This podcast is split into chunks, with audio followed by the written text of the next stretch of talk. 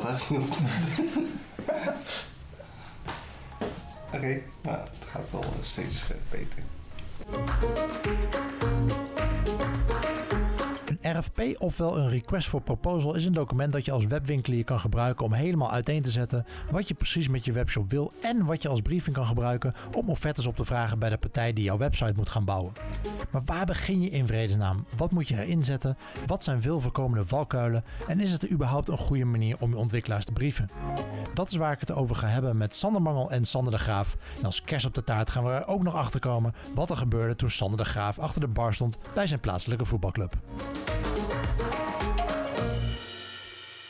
Ik ben een merchant en ik wil een uh, aanvraag doen voor Magento Shop. Daar gebruiken we normaal gesproken een uh, RFP voor. Request for Proposal. Daarmee uh, schrijf je op één of meerdere A4'tjes op wat je eigenlijk wil als webwinkelier. Daarmee ga je langs verschillende solution providers. Kijken of zij wat voor jou kunnen doen en wat ze voor jou kunnen doen. Zodat zij een idee hebben. Dat ze allemaal een beetje hetzelfde idee hebben wat jij eigenlijk wil. Maar ja, hoe stel je dat dan op?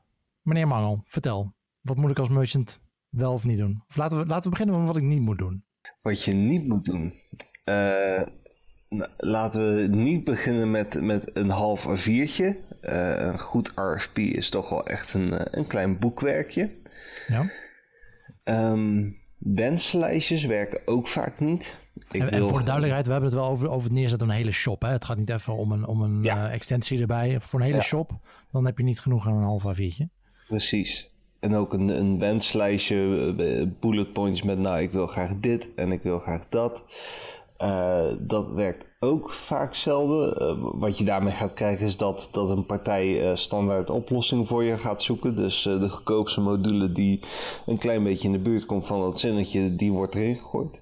Sander de Graaf, wat moet je vooral niet doen? Vage specificaties opstellen en dan er toch vanuit gaan dat je een heel concreet antwoord gaat krijgen. ja, zie je dat vaak voor, voorkomen? Ja, dat zie ik uh, best wel vaak voorkomen. Dat heeft met name vaak te maken met uh, uh, vraagstukken als procesinrichting. Ehm, waar, waar komt er order binnen? Hoe wordt die order precies afgehandeld? En dan vervolgens, nou, als je dat niet goed definieert, ja, en je krijgt wel een softwarepakket daarvoor aangemeten, dan zou dat wel eens heel goed niet kunnen passen. Ik heb ook vaak wel het idee dat er, dat er iets te technisch wordt geschreven in een RFP door een, door een opdrachtgever. Uh, in plaats van te praten in, in uh, wat je wil bereiken. Dat het vaak heel snel gaat over hele technische implementatie en wat iemand moet doen. Zien jullie dat ook? Of? ja, het, het, is zo mooi dat, dat een klant vaak al zelf gaat bedenken wat de oplossing moet zijn. ja, maar daardoor beperk je denk ik heel erg de, de uitvoerder in, in wat hij eigenlijk zou moeten doen. Ja, ja ik, ik, uiteindelijk huur je een specialist in. Of in ieder geval, ik denk dat je daarom uh, naar, een, naar, een, uh, naar een bouwer toe gaat, naar een solution partner gaat. Uh, je verwacht toch van hun dat zij gaan bedenken hoe, hoe het beste op te lossen is, in plaats van dat jij dat zelf moet doen. Ja, en ik denk dat dat ook wel gaat verklaren waarom soms ook er gewoon geen klik is tussen degene die een aanvraag heeft gedaan en de solution provider die daar mee aan de slag gaat. Um, Kijk, heel vaak heb je ook te maken met een traject van meerdere maanden. En er gaat wel eens een keertje iets mis. Je weet dus bijna zeker dat je een keertje met elkaar ja, wat, wat ruwere periode doorgaat. Dus altijd wel eens een keertje een discussie. Um, dus ja, dan moet je wel een goed gevoel hebben vooraf dat het allemaal klopt. Dat, dat, dat het de partij is waarmee je ook dingen kunt uitspreken als het even een keertje tegen zit. En vooral ook dat je gezamenlijk aan elkaar kunt optrekken um, om tot een goed resultaat te komen. En dan is het eigenlijk beter als je, als je meer praat in toekomstbeelden, in doelstellingen die je wilt bereiken bedrijfsmatig, dan dat je al meteen spreekt naar van ja, ik wil die en die extension hebben op uh, dat en dat uh, kleine technische probleempje. Dat gaat je beter helpen om, uh, om ja, de, juiste partij in de zin van die klik te vinden. Ja, ik denk dat die RFP vooral bedoeld is inderdaad om, om nou ja, het kaf van het koren te scheiden. En die vertrouwen, dat vertrouwen te krijgen in welke partij ja, gaat voor mij de oplossing zijn. Of de, de beste oplossing implementeren. Klopt. En, en wat er ook toch wel vaak zie is dat een RFP uh, ook een heel erg juridische inslag heeft. Waarbij de eerste drie pagina's een soort disclaimer zijn van ja, je mag ons als opdrachtgever nooit, nou ja, en dan komt er een hele lange lijst dat je al nooit mee voor of tegen mag doen. Um, dus je krijgt al heel gauw een heel formalistisch tintje. Terwijl eigenlijk wat je wilt en wat iedereen eigenlijk wil die, die met goede energie aan zo'n project begint, is gewoon zorgen dat je een super gaaf product oplevert. En inderdaad niet meteen geconfronteerd wordt met van ja, wat kan er allemaal wel niet misgaan in juridische zin en wat ga ik je aandoen op het moment dat je iets fout doet of als ik vind dat je iets fout doet. Ja, dat je überhaupt al een NDA moet tekenen voordat je de RFP te zien krijgt. Ja, terwijl uh, iedereen weet dat je als je dit soort dingen goed gaat bespreken met verschillende partijen en uh, je laat inspireren door de antwoorden, je waarschijnlijk een beter document krijgt. Ja. Bij, bij het opstellen van zo'n uh, zo'n RFP, dat, dat kun je natuurlijk zelf doen, dat kun je ook laten doen. Ja, ja, wie moet dat eigenlijk opstellen? Want als je als, als webwinkelier, zeker als je, als je de e-, eerste keer voor, een webshop laat maken, dat is wel even een, een, daar moet je wel even voor gaan zitten. En ik kan me voorstellen dat het lastig is om in de taal te praten van, uh, van degene die het gaat uitvoeren. En ook deels uh, zal er veel wat, uh, toch wel technische informatie in moeten. Niet zozeer qua hoe moet je het uitvoeren, maar waar moet je het mee koppelen? Wat voor backend, wat, wat komt daarbij kijken? Um, ja, wat voor mensen moeten dat eigenlijk schrijven? Wie moet je daarbij betrekken in je organisatie als, als webwinkelier? Ik denk dat je een, ja, een, een, precies een heel erg kritisch punt raakt. Uh, een e-commerce platform is per definitie een soort spin in het web tussen allerlei soorten verschillende informatiestromen. Denk eventjes aan uh, de order die binnenkomt, uh, die vervolgens geshipped moet worden via een verzender, waar het e-commerce platform natuurlijk een onmisbare rol in speelt. Denk eventjes aan eventuele koppeling met een boekhoudplatform of met een ERP-systeem of wat dan ook. Customer service customer service zijn heel veel dingen die zijn gelinkt aan dat ene e-commerce platform.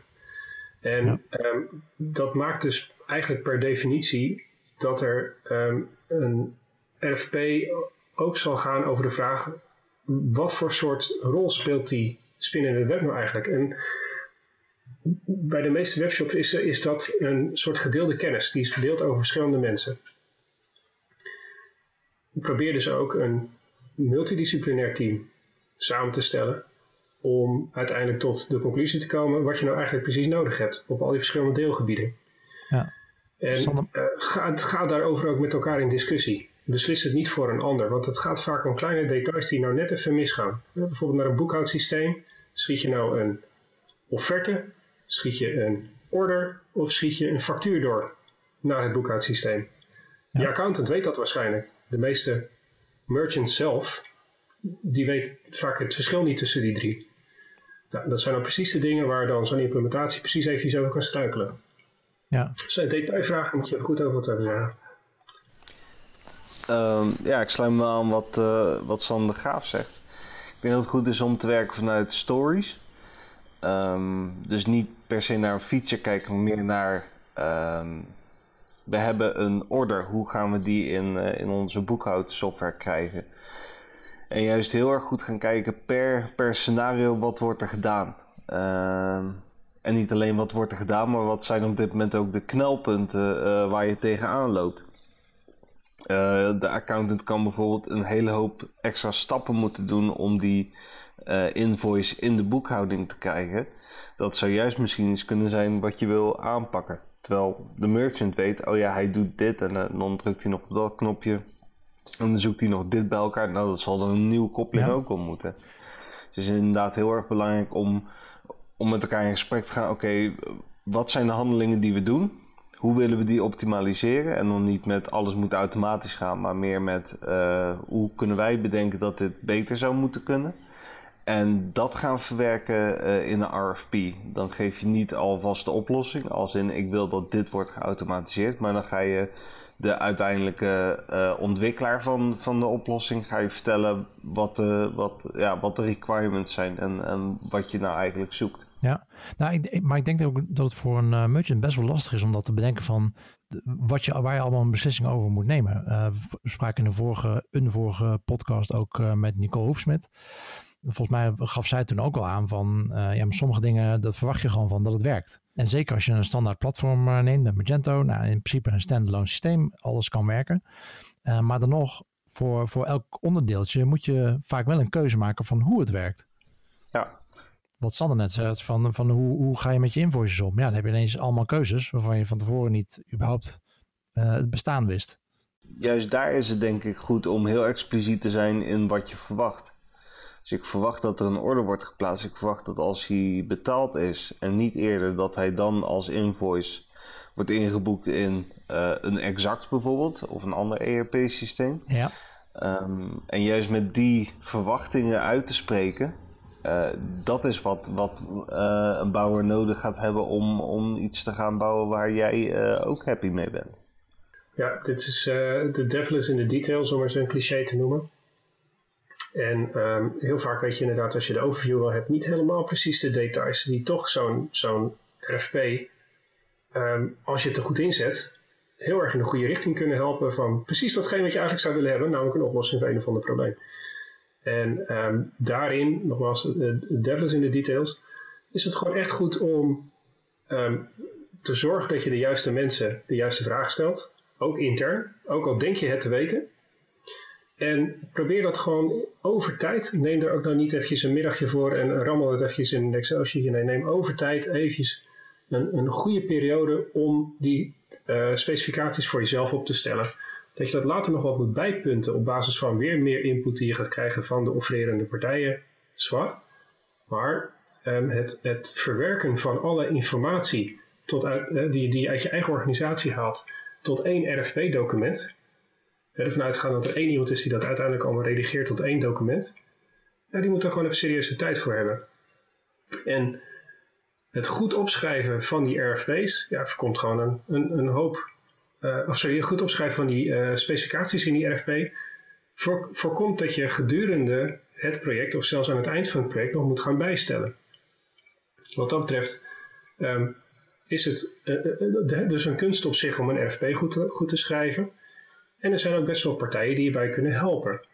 Is dat wel weer zo, dat die partijen die erbij kunnen helpen, ja, die doen dat niet gratis, of die vereisen daarbij dat je um, dan uiteindelijk de oplossing ook doorheen laat bouwen.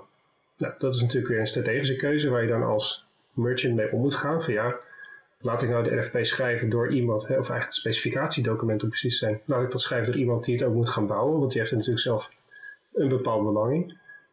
Um, of wil ik er inderdaad wat geld in investeren om dat goed te krijgen? Maar ja, eh, de vraag is eventjes of je dat geld gaat terugverdienen. Nou, ik, ik durf te zeggen, een goede specificatieschrijver die verdient zichzelf wel heel vaak terug. Dat, uh, dat denk ik ook wel. Dus dat is zeker de moeite waard. Ja, hangt een beetje denk ik vanaf van uh, of je al een keuze hebt gemaakt voor een platform bijvoorbeeld. Als jij al uh, voor Magento gekozen hebt, dan, dan zou je een Magento partij kunnen vragen om die RFP te, te maken. Uh, vaak betaald. En dan dat eventueel uit te zetten eh, bij andere partijen ook. Als de technologie wat, wat vager is. Uh, ja, ja, en je zet het dan bij een Magento-partij uit. Ja, dikke kans dat je dan met een met Magento als oplossing komt, zeg maar. Dat hoeft natuurlijk niet uh, voor jou uh, de oplossing te zijn. Uh, en dat geldt voor heel veel andere systemen ook. Als je bij een partij laat maken, dan, dan verschrijven ze natuurlijk toe naar het systeem wat, wat, wat hun voorkeur heeft. Ja, dat ze goed kennen. En ehm, met name denk ik ook waar ze risicoloos in kunnen gaan. Ja. Dat is natuurlijk ook altijd een onderdeel van RFP's. Hè. Wie draagt het risico als er tijdsoverschrijding is, specificaties niet goed, uh, goed uitgewerkt zijn, uh, de technische oplossing niet uh, naar behoren werkt. het project doorschiet in tijd. zegt hij dat punt maar even twee keer, want dat is toch vaak wel een, een heikel punt. Um, ja, en wat dat betreft is inderdaad een onafhankelijke partij die je daarmee op weg helpt. ja, dat kan heel erg helpen. Zeker bij beginnende merchants ja. die ja, wellicht er iets van weten, maar er toch niet zoveel ervaring mee hebben. Het is, het is niet allemaal even makkelijk. Ik bedoel, sommige dingen zijn ook echt wel met boerenverstand uh, goed op te lossen, maar sommige dingen zijn gewoon ook echt wel complex. En uh, ja, met een eerste blik op de situatie kun je best wel op het verkeerde been gezet worden. Dat je denkt, ach, dat zit zo en je, je schrijft dat op in je documentje. Maar als je dan nog even gaat doorzoeken, blijkt het eigenlijk toch net even wat detail weer anders te zijn. Ja. Dus er gaat best wel wat tijd in zitten in, zo'n, in een goed RFP schrijven. Zodat eh, dat, op, dat, je, dat je bouwpartij goed weet uh, wat hij moet doen. Kun, je doorslaan? Kun je te veel kwijt in een RFP? En um, waar ik dan een beetje op doel is dat we... Je kan natuurlijk hele uitgebreide uh, projectdocumentatie schrijven. En dan is je bouwpartij vijf jaar bezig om dat te implementeren. Um, de, de, bekende watervalmethode. Je kan natuurlijk ook meer de andere kant op gaan, meer, meer Scrum. Dat ehm, maakt je een stuk flexibeler. En niet als je een RFP hebt geschreven en zegt van nou, dit gaan we uitvoeren. Nou, vijf jaar is misschien wat, wat ver. Ehm, maar zes maanden doorlooptijd of, uh, of tot een jaar, dat is niet heel gek voor grote projecten. Um, en dat je er toch halverwege achter komt dat dingen eigenlijk anders moeten. Dus ja, kan het te groot zijn? Hoe, hoe flexibel moet je je opstellen als, uh, als merchants in zo'n uh, RFP?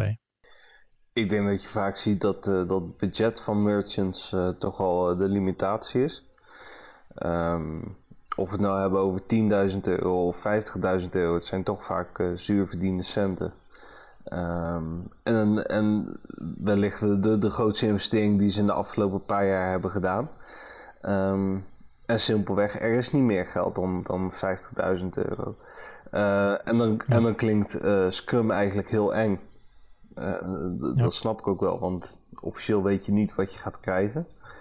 Ik denk zeker met een standaard solution als Magento zelf, wat eigenlijk al het minimal viable product is. Hè, dus de, de stalen shop waarmee je kan verkopen.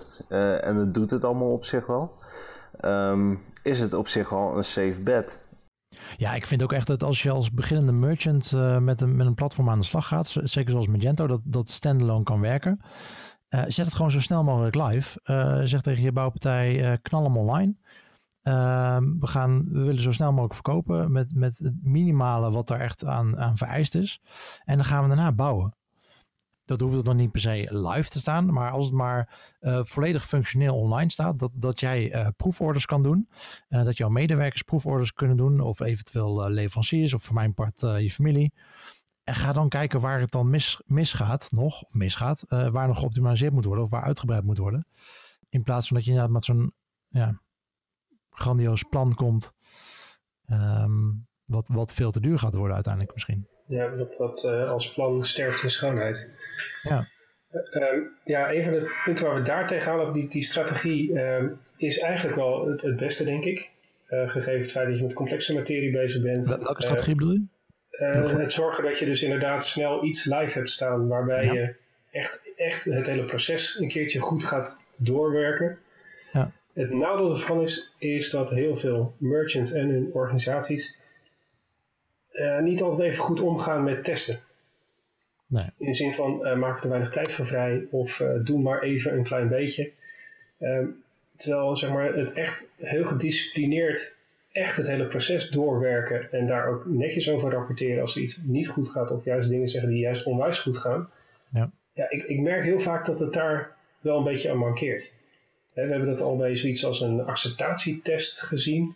Waarbij uh, de klant toch uh, eigenlijk de sleutels van de auto geeft en zegt van nou, ga eens een stukje rijden en uh, zeg eens hoe die aanvoelt.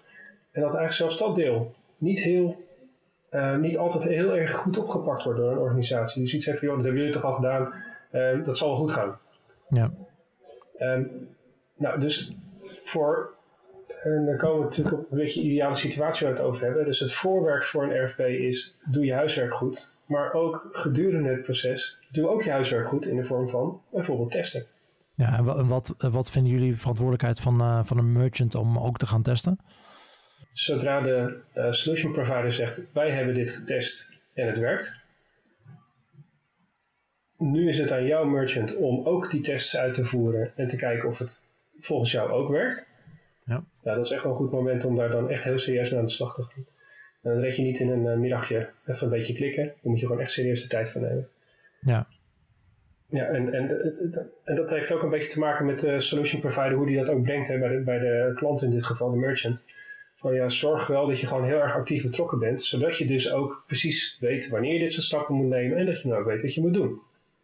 Of ga samen in één kamer zitten, ga samen zitten testen. Het is een prima manier om heel snel door zo'n materie heen te gaan. En, en heel leerzaam voor iedereen. Maar die directe betrokkenheid en uh, ook uh, gedetailleerd testen, ja, dat, dat, daar heb je gewoon tijd en moeite en dus ook weer geld voor nodig en een stukje ja. energie. Ja, Sander Mangel? Ik denk als merchant dat het goed is om in die rol van de echte product owner te stappen. Uh, en als je in, nou, als we een beetje richting de Scrum kant op gaan, laten we zeggen dat uh, je, hebt al een keer Magento op laten zetten. Er zit een template overheen waarmee je happy bent. Het lijkt een beetje op de shop uh, die, uh, van jouw bedrijf, laat me zeggen. ik denk dat het goed is om dan te beginnen met één feature te laten bouwen. Ehm, daar ook jezelf een dag in de week voor uit te plannen om uh, dan wel met dat team uh, te gaan zitten van goh, wat zijn we aan het doen? Uh, dan wel een demo te bijwonen. Dus ook echt aan hun te vragen om een demo te doen. En een demo is ook gewoon echt dat het werkt. En niet dat, ja, we hebben ongeveer dit gedaan en dat gaan we volgende week afmaken. Nee, gewoon dit is de feature en zo werkt hij. En juist die dan gaan testen, want dat maakt het voor jezelf ook makkelijker. Een, een acceptatietest is natuurlijk een ontzettende bak werk die je moet doen. En ik snap dat heel veel merchants eigenlijk dan uh, door de bomen het bos niet meer zien. Uh, en zoiets van ja, het zal wel goed zijn. Ik kan een ordertje plaatsen en ik klik er doorheen. En, nou, hè? Moeten solution partners daarin uh, beter de merchants nou, een soort van opvoeden bijna? Of, of een, een checklist geven van nou, dit moet je allemaal testen? Of? Het uh, denk ik wel, maar ik denk dat een solution provider ook niet per se heel veel baat heeft bij een merchant die 100% alles doortest. Als, als ik even de advocaat van de duivel mag spelen. Het is af en toe wel lekker dat zo'n merchant met een ja. Franse slag doorheen uh, uh, wappert. En, uh, en later pas erachter komt dat het een en ander toch niet helemaal precies werkt. Ja, ik weet wel, het is Sander Mangel die dit zegt, hè, voor de goede orde. ja, dat durf ik wel. Ja, en aan de andere kant, als solution provider weet je het natuurlijk ook niet allemaal. Dat is natuurlijk het hele idee waarom ook de merchant het moet doen. Zeker voor backend integraties. Uh, veel dingen die de solution provider überhaupt niet kan doen. Ik, ik ben nu ook wel benieuwd naar gewoon concreet van oké, okay, nou ik wil een webshop uh, starten. Ik ga een RFP uh, schrijven met mijn team.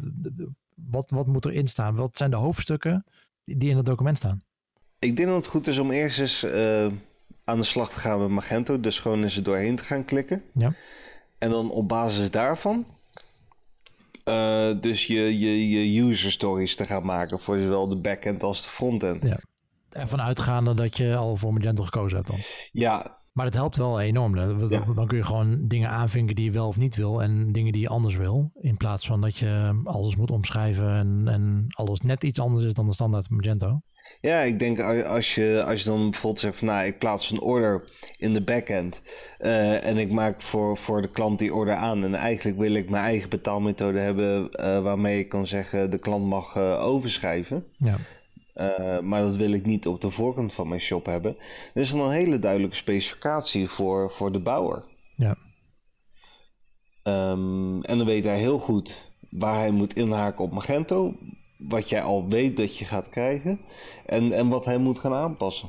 Um, ik, ik, denk dat ook iets als een... Uh, als je je propositie überhaupt erin moet staan als een soort van introductie. Wat wil je met het hele project überhaupt bereiken? Nog los van uh, welk platform je gaat doen. Wat is, wat is het einddoel? Ja.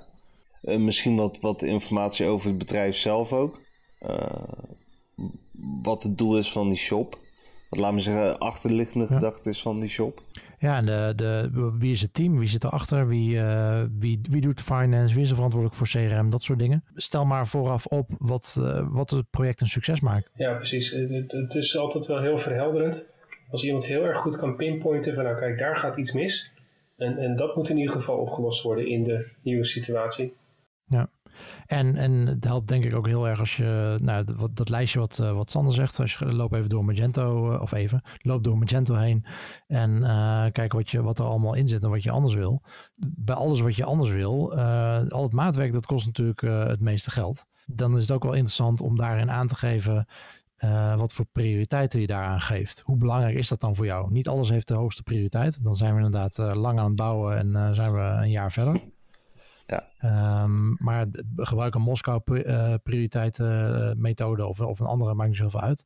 en op basis daarvan kun je dan ook het project indelen in, in verschillende fases.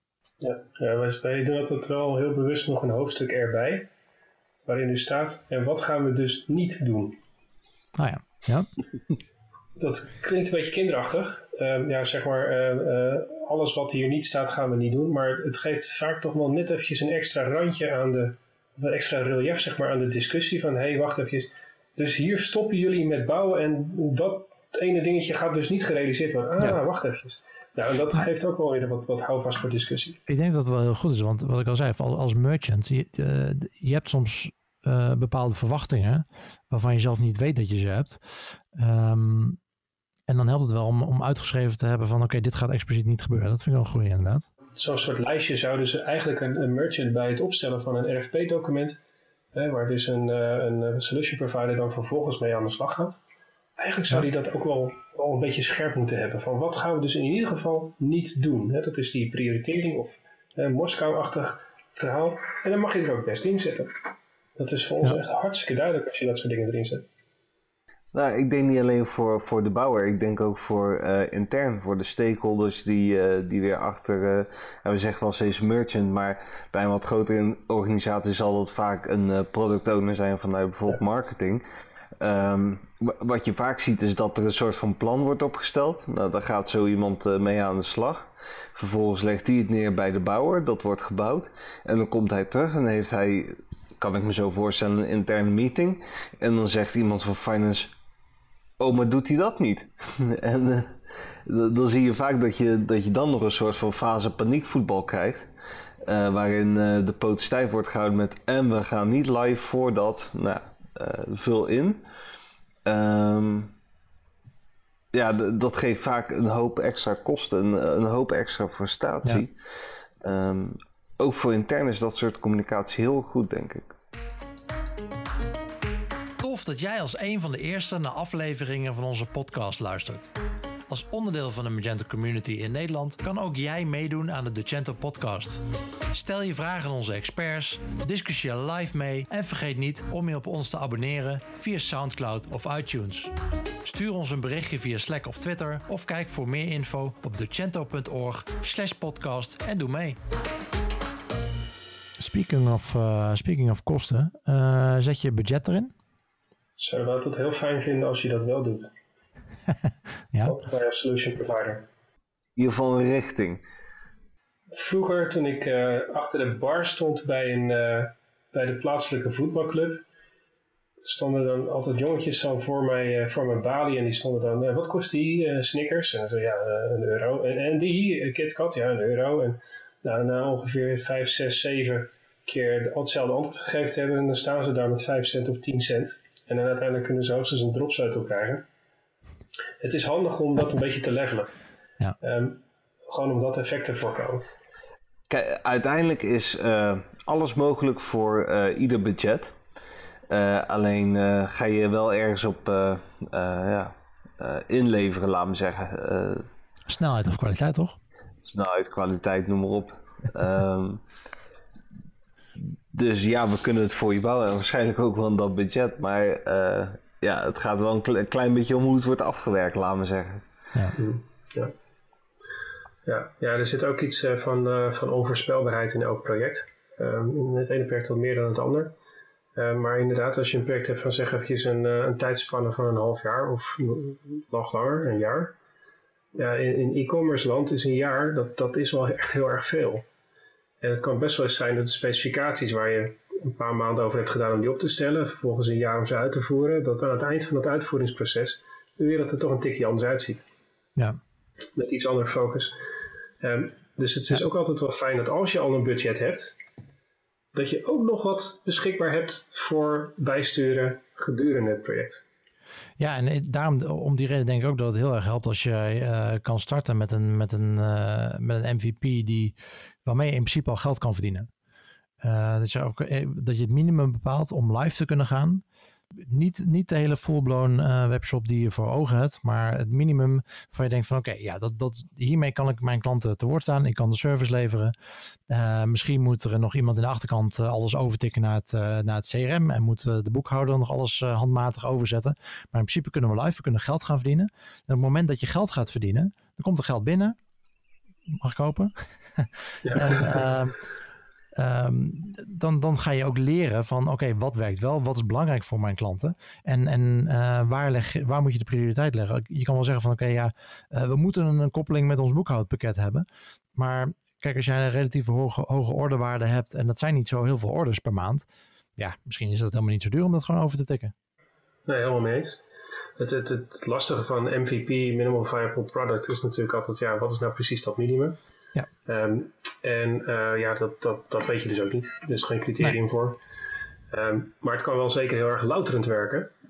Ook om eens met een hele frisse blik weer de, de markt in te stappen met gewoon een, een ander ding als wat je al gewend bent. Hè? Dus even eens een keertje loslaten van alle dingen die je weet of denkt te weten. Of kan het ook heel goed zijn om te zeggen van nou, we beginnen echt gewoon helemaal basic weer. En daarna gaan we weer verder ontwikkelen. Ja. Uh, betekent wel dat je dus een Scrum, uh, Agile-achtige manier van werken hebt. Ehm, ja, en dat, daar zit altijd weer een ander spectrum aan. En dat is uh, ja, heel, heel, heel ver doorgedacht zit je in een soort anarchie eigenlijk. Hè. Iedereen die roept maar wat en uiteindelijk moet daar maar in die chaos een soort van stroom of een soort lijn gaan ontstaan ja, dan moet je ook wel weer goed in de, in de klauwen hebben. Dus dat suggereert nog maar weer eens een keertje de, het belang van, uh, wat, wat Sander net ook noemt, uh, de, de, de opdrachtgever moet ook product owner zijn. Die moeten wel goed ja. op zitten.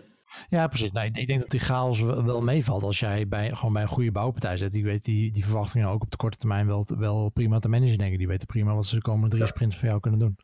Dus dat hoeft niet zozeer chaos te zijn. Alleen je weet inderdaad niet wanneer dat, dat hele grote ding misschien klaar is. Maar ik denk dat het wel veel uh, manageable maakt. Maakt, maakt je als onderneming ook veel flexibeler, denk ik, door, door zo te werken. Ja, met name in de situatie dat je um, uh, een, een, een, webshop hebt die ook nog eens in een bredere context valt. Is het heel lastig te voorspellen wat die webshop nou precies doet binnen je organisatie. Als je bijvoorbeeld ja. fysieke winkels hebt uh, en een webshop, dan is, de, uh, um, dan is elk, elk partje is, is een, een winkel op zich. Dat is een, een project op zich. En um, als je dan uh, daarmee bezig bent, heb je niet alleen maar dat je dus te maken hebt met je klanten, met je orderstromen, maar je hebt ook nog eens te maken met al die andere onderdelen waar je ook mee te maken hebt. Omdat je het gewoon dagelijks tegenkomt. En dat maakt het nog weer eens een stukje complexer. Ja, en, als je dan zo van start gaat, dan, dan, dan leer je wel snel van oké, okay, waar zijn de knelpunten, waar zijn we veel tijd uh, mee kwijt, en ja. wat, moet, wat, wat moeten we gewoon uh, automatiseren en, en wat gaat eigenlijk wel prima. Ja, overigens uh, de andere kant op doorslaan. Ja, dus je wil graag een partij hebben met wie je goed kunt sparren, goed, goed op één lijn zit. ook een relatie die een beetje tegen een stootje kan als het een keertje wat tegen zit in het project. Um, ik heb ook wel de andere kant op gezien, dat is complete controlefreakheid bij klanten. Wat vaak ook al in de RFP wel tussen de regels door blijkt. een kleine anekdote. Ik heb één keer meegemaakt, vrij recent, dat er een offerte aanvraag, of sorry, een RFP binnenkwam. Waarin gevraagd werd om een complete Magento winkel al klaar te zetten. Tweetalig, met een x aantal producten daarin. Met ook een specifiek opmaak van de frontend. Om aan te tonen dat we dat echt wel kunnen. Oh ja. Dat was een onderdeel van het, van het, uh, van het RFP-proces. Dus je moest twee dingen inleveren. En zeg maar de URL van je web, webshop die je gecreëerd had. Front-end, back-end. En een document met de beantwoording van alle vragen. Um, dat gaf me eigenlijk bij voorbaat al wel een beetje een gemixt gevoel over de RFP. Want um, ja, het gevoel wat ik erbij had is van ja, je, je durft het wel te vragen. Dit. En ik vind het niet een hele voor de hand liggende vraag, want je weet gewoon dat het ons ook heel erg veel tijd gaat kosten om dit goed te krijgen. Dus ja, de, de, de, daar had ik juist weer een beetje tegengesteld gevoel van ja, deze klant die zit er wel weer een beetje te, te ver, te strak in om, om, om dit zo te eisen van mij. Ja. Um, ik had daar niet een heel goed gevoel bij. Behalve als ze ervoor betalen. Ja, dat was dus niet zo. Ja, dat is natuurlijk nog een, een optie als jij... Um nou ja, dat is misschien ook wel waard om, om, om een x aantal uur te laten betalen voor, voor, een, uh, voor een RFP. Nou ja, zeker om het even te laten checken, denk ik, door iemand die gespecialiseerd is in, in het systeem wat jij uh, wil gaan gebruiken. Dus misschien moet je een RFP niet helemaal uitbesteden, maar dat kan prima als jij, als jij dus al voor Magento gekozen hebt bijvoorbeeld. Uh, dat je dat door een Magento-partij laat nalezen, een paar uur en daar comments op laat geven. Of, of een bepaald technisch deel specifiek laat invullen. Ja, zeker in, in de bouwsector, dus we hebben het over huizenbouw bijvoorbeeld. Ja, daar, daar is een uh, systeem Stabu. Uh, dat is eigenlijk een, een voorgedefinieerd systeem waarbij alle verschillende specificaties die je gedurende een huizenbouw zou kunnen tegenkomen, geclassificeerd zijn in, um, in verschillende categorieën. Okay. En dat gaat van 0 tot 99 of iets dergelijks, ik weet niet de precieze nummers. maar daar is het vrij gebruikelijk dat je samen met bijvoorbeeld een architect. Ehm, als je een, een, een bestek laat opstellen voor dat nog te bouwen huis, dat je gewoon 0 tot 99 allemaal doorgaat. En ehm, die bestekken die hebben dus ook allemaal een redelijk uh, overeenkomstige vorm. Dus dat betekent dat je als je ehm, in de bouw werkt en je krijgt zo'n bestek wat je moet beantwoorden met een offerte, um, ja, dan ziet hij er ongeveer qua vorm hetzelfde uit als degene die je vorige week en die week ervoor ook beantwoord hebt. Dus je kunt daar een beetje routine in opbouwen. Zelfs wat halffabrikaten als je dat zou willen. Het zou op zich niet gek zijn om zoiets ook te hebben voor uh, e-commerce. Een soort van voorgedefinieerd bestek. Van goh, wat zijn eigenlijk de onderwerpen waar je in ieder geval over na moet denken of je ze gaat vragen. En als je ze gaat vragen, hoe moet je dat dan precies invullen, die vraag? Nou ja, je zou voor Magento natuurlijk een hele vragenlijst kunnen maken op basis van uh, elke, elke optie in, uh, in, de, in de configuration in de backend. Wat wil je? Ja, dat is een hele lange lijst, maar ja. zo'n zo gekke gedachte niet, vind ik. Want daarmee objectiveer je wel min of meer um, ja, de, de, de gedachten die een RFP-opsteller moet, moet doormaken. Van ja, waar moet ik eigenlijk allemaal over denken? En de kans op het vergeten van dingen wordt daarmee wel kleiner. En voor ons als beantwoorders van RFP's ja, geeft het ook wel weer een, eh, een, een wat ik al zeggen, een soort routinematig effect. Dat is ook wel fijn. Kunnen we zeggen dat, dat alle shops die we hebben gebouwd eigenlijk voor 99% alleen maar dezelfde features bevatten? Of een variatie op die feature, laten we zeggen? Ligt eraan, 99% van wat? Van alle code? Nee, nee, meer van de, van de features, laten we zeggen. Voor een MVP zeker. Um, ik denk dat je uh, best wel wat custom uh, shops hebt uh, waar heel veel is aangepast, maar... Ja, ik, ik ga er wel niet mee hoor, in die gedachten. Het lijkt allemaal wel vrij veel op elkaar. Ja, maar, ja, dit, maar de crux zit hem natuurlijk juist net in dat maatwerk en, en die, en die uh, verwachting naar die klant toe van wat is de verwachting van die klant? Is die verwachting uh, maatwerk? En, um, en soms gaat het, niet eens in, gaat het niet eens om of iets maatwerk of, of, een, of een extra functie is. Dan gaat het er gewoon om van kiezen we A of B.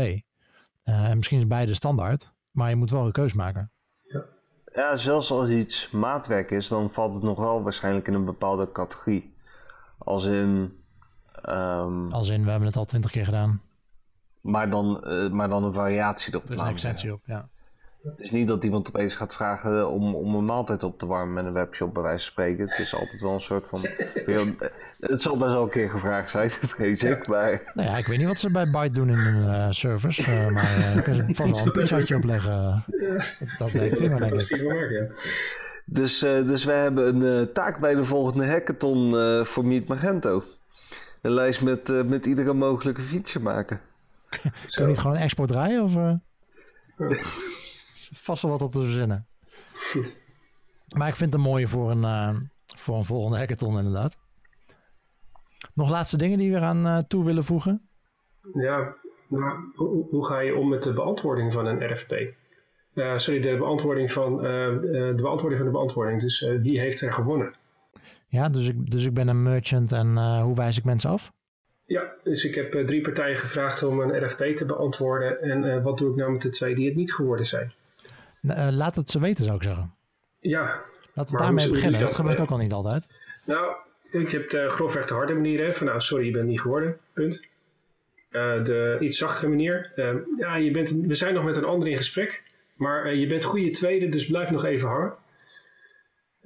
versus niks horen. Dus geen antwoord geven.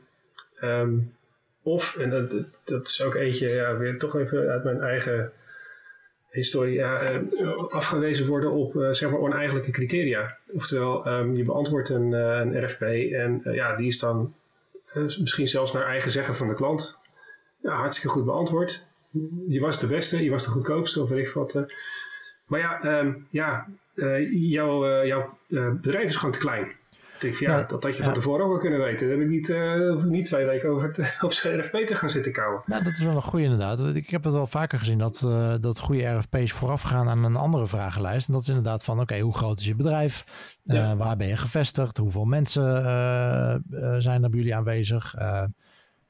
weet ik veel, wie, wie zijn de aandeelhouders? hoe, hoe, is je financiële staat? Um, en...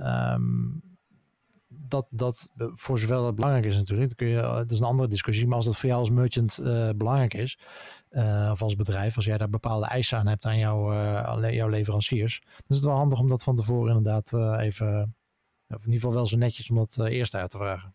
Ja, of op zijn minst mee te delen. Hè? Dat je al zegt van joh, je mag hem wel beantwoorden, met alle plezier zelfs. Maar de kans dat je het gaat worden is niet zo groot, want je bent gewoon eigenlijk te klein.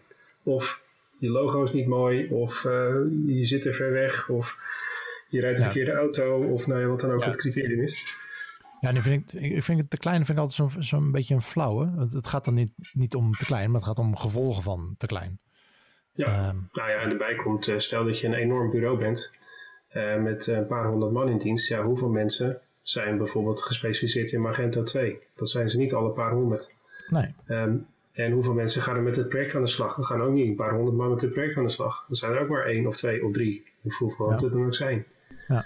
Het is niet alsof als er 100 man zitten, 99 man niks zitten doen totdat er eentje ziek wordt en, uh, en ze ergens in moeten springen. nee. nee.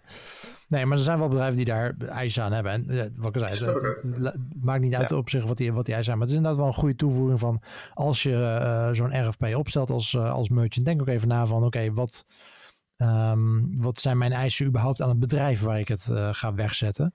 Ja. Um, je kan bijvoorbeeld in, nou ja, dat je eisen stelt van nou, ik wil dat design in-house gedaan wordt, of dat development sowieso in-house gedaan wordt, of, um, of maakt het er niet uit wat voor eisen stel je daar aan? En, en, daar zit dan wel gevolgen aan. Kijk, als development in huis in Nederland moet gebeuren, ja, dat is een dikke kans dat dan development wat duurder wordt dan wanneer je bij een, uh, partij zit die eigenlijk in Nederland een, uh, een, soort front office hebben en projectmanagers hebben zitten en die het uitbesteden naar Oost-Europa of, uh, of verder.